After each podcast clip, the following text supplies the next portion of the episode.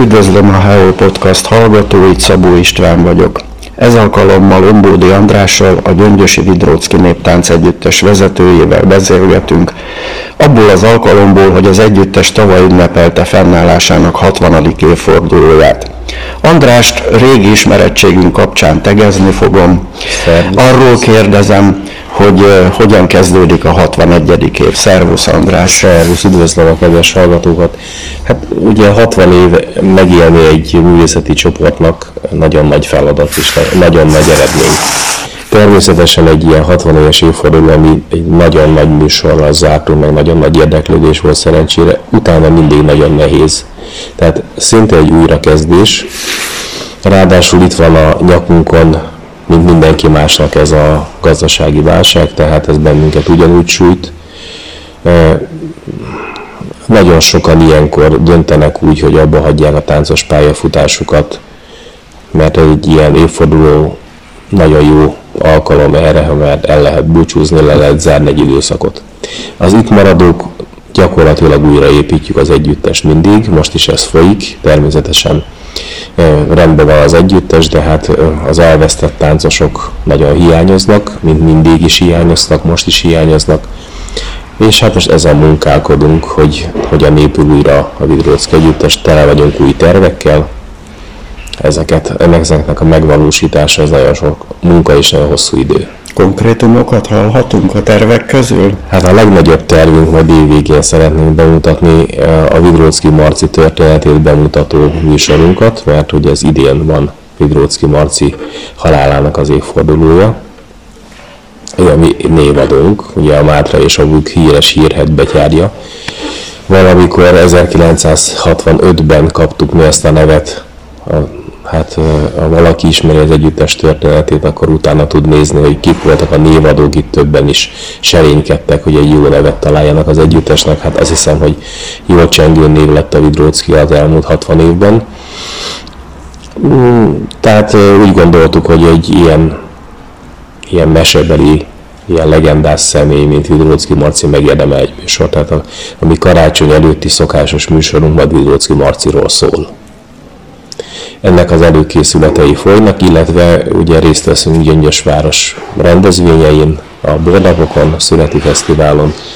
Vannak nagyon jó felkéréseink, most például legutóbb húsvétkor a Füleki Várban e, egy rendezvényen lépett fel az együttes, ide Fülekre visszajárunk most már, mondhatjuk, hogy évek óta nagyon jó a kapcsolatunk.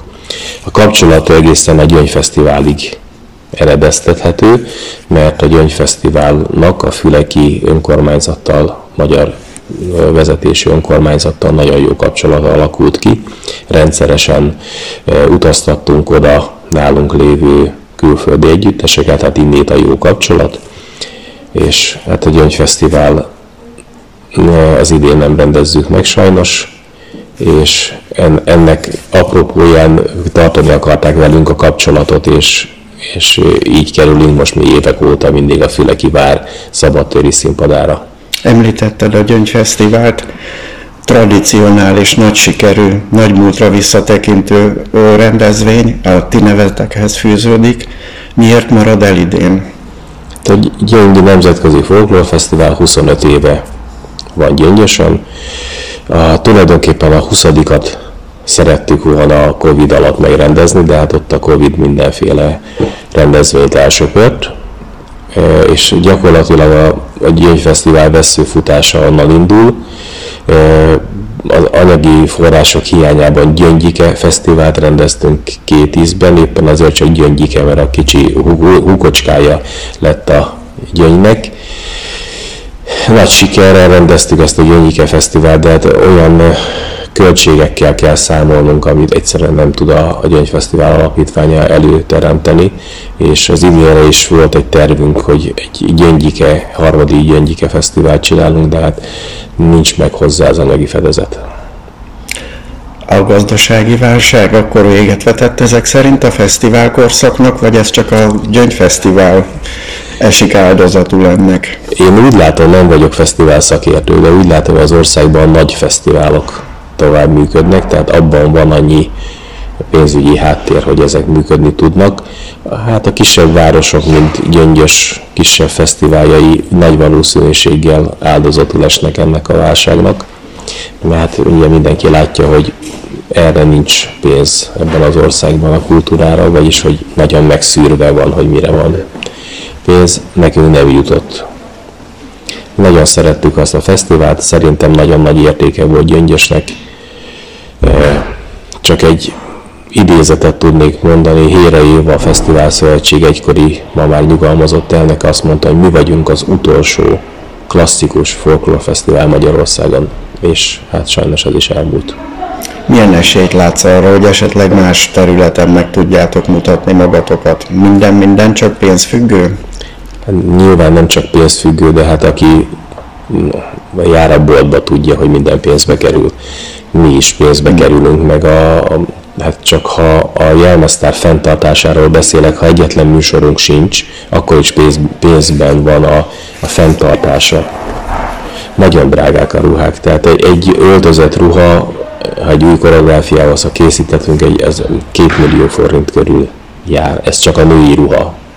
Férfi ruhák egy kicsit szerényebbek, de csak egy ruha több millió forint. Aztán a koreográfia előkészítés az ugye nem két-három próbát vesz igénybe, tehát egy rendes koreográfia, egy fél évig, akár egy évig is készülhet. Ez napi rendszer, tehát heti rendszerességgel több próbát jelent, tehát ez nem néhány óra, ez több száz óra, mire egy koreográfia összeáll.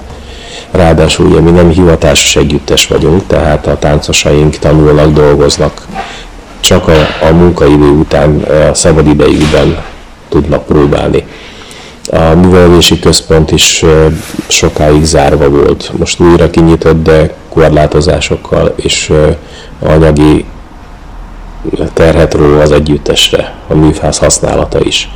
Tehát olyan összegekről beszélünk, ami nincs. Azt gondolom a csodával határos, hogy a Vidrocki a 61. évében még mindig él a 60.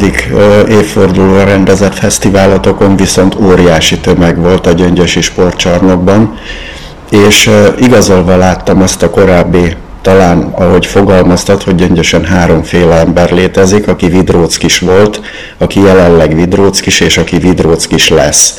Láttam, hogy nagyon sok fiatal van köztetek. Mi lesz az utánpótlással? Szerencsére vannak utánpótlás csoportjaink. Azt is hozzá kell tenni, hogy ennek a divatja egy kicsit alábbhagyott Magyarországon. Tehát ez egy nagyon munkás, nagyon sok kitartást igénylő tevékenység. Ma már a szülőknek is egy kicsi anyagi ráfordítást kell tennie miatt, mert a gyerekcsoportjainkat se tudnánk a szülők segítsége nélkül fenntartani. Tehát szorgalmas gyerekeknek nagyon sok munka után van lehetősége bekerülni az együttesbe. Vannak óvodásaink, és minden korosztályban vannak csoportjaink, nagyon ügyesek, nagyon ígéretes csoportjaink vannak, de hát évek, mire egy gyerektáncosból felnőtt táncos lesz. Nagyon sok gyakorlás árán. Szerencsére Magyarországon a néptánc, a néptánc mozgalom, a néptánc együttesek nagyon jó színvonalon működnek, tehát ha benne akarunk maradni ebben a közegben, ha fesztiválokon díjakat akarunk nyerni, akkor hoznunk kell egy elég magas színvonalat ahhoz, hogy, hogy minket meghívjanak országos fesztiválokra, ami most még szerencsére így van. De hát hosszú távon nem tudom, hogy ezzel a támogatással hogyan fogunk tudni működni. Meg az a kérdés is felmerült bennem, fiatalok, mennyire tudod, tudjátok ott tartani őket a tánc mellett, kevesebb fellépéssel, meg nyilván egy fiatalnak sokat számít, ha apu, anyu helyben látja a barátai, az ismerősei, tehát a helyi fellépések számának csökkenésével nem csökkene a fiatalok érdeklődése a néptánc iránt. Igen, sajnos így van, hogy csökken, mert ahogy mondtam, egy kevésbé népszerű műfaj, tehát ez egy nem egy flitteres, nadrágos most nem akarom bántani a többieket, tehát nem, nem egy ilyen könnyed műfaj, azért egy népviselet, tehát viselni is kell tudni. A magyar néptánc egy nagyon fizikailag megterhelő és nagyon jó technikai készséget igénylő tánc, tehát nem, nem, megint csak nem leértékelni akarom a többieket, de hát egy néptáncos sok év alatt lesz néptáncos. Tehát ez nem egy ilyen gyors siker. Aztán nyilván gyöngyösen, elsősorban gyöngyösen szeretnénk műsorokat adni, de hívnak bennünket nem csak a megyében, a országos rendezvényekre is szerencsére. Nagyon szeretnek bennünket, mint látható fülekre is. Azt gondolom, hogy hát sokkal több műsort adunk nem gyöngyösen, mint gyöngyösen. Gyöngyös nagyobb rendezvényei mindegyikkel föllépünk, vannak saját rendezvényeink is csinálunk gyereknap környékén egy ilyen családi napot, ahova mindenkit szeretettel várunk, a gyerekcsoportjainknak is csinálunk műsorokat, részt veszünk országos rendezvényeken, országos fesztiválokon, ahogy mondtam, a gyöngyösi vornapokon, születeken mindig is részt vettünk, igyekszünk saját rendezvényekkel előrukkolni, a múzeum udvarában például volt egy nagyon jó műsorunk, nagyon jó kapcsolatunk van a Mátra Múzeummal. Tehát igyekszünk mi mindenkivel kapcsolatot teremteni, mindenkit sújt az a válság, nem, nem csak minket. Akkor befejezésül hívjuk meg a közönséget a következő rendezvényetekre. Mikor és hol láthatnak benneteket a gyöngyösiek, a heves megyeiek legközelebb? Gyöngyösen a bornapokon fogunk leghamarabb fellépni, azt sajnos nem tudom, hogy hanyadikán. Ez május táján Május, igen, lenni. igen, igen, de hát nagyon javaslom a érdeklődőnek a Facebook oldalunkat és a honlapunkat, nagyon szép honlapunk van, azon minden információt megtalálnak. Ott videónk is van fönt, fotóink is vannak, mindenféle információ az együttes történetéről és a, a jelenéről is. Nagyon, nagyon szép promóciós filmünk van, húsvéti filmeink vannak, tehát so, sok helyen megtalálnak bennünket az érdeklődők, és nagyon örülnék, ha keresnének bennünket, mert mi a közönséget vagyunk. Köszönöm szépen, további sok sikert kívánok Köszönöm. az együttesnek. Ombódi Andrással, a Gyöngyösi Vidrócki Néptánc Együttes vezetőjével beszélgettünk. Köszönöm a figyelmüket. Köszönöm szerintem. Idő jó volt? 12 perc. Jó. Én kicsit kivettem a Várjál lehetőséget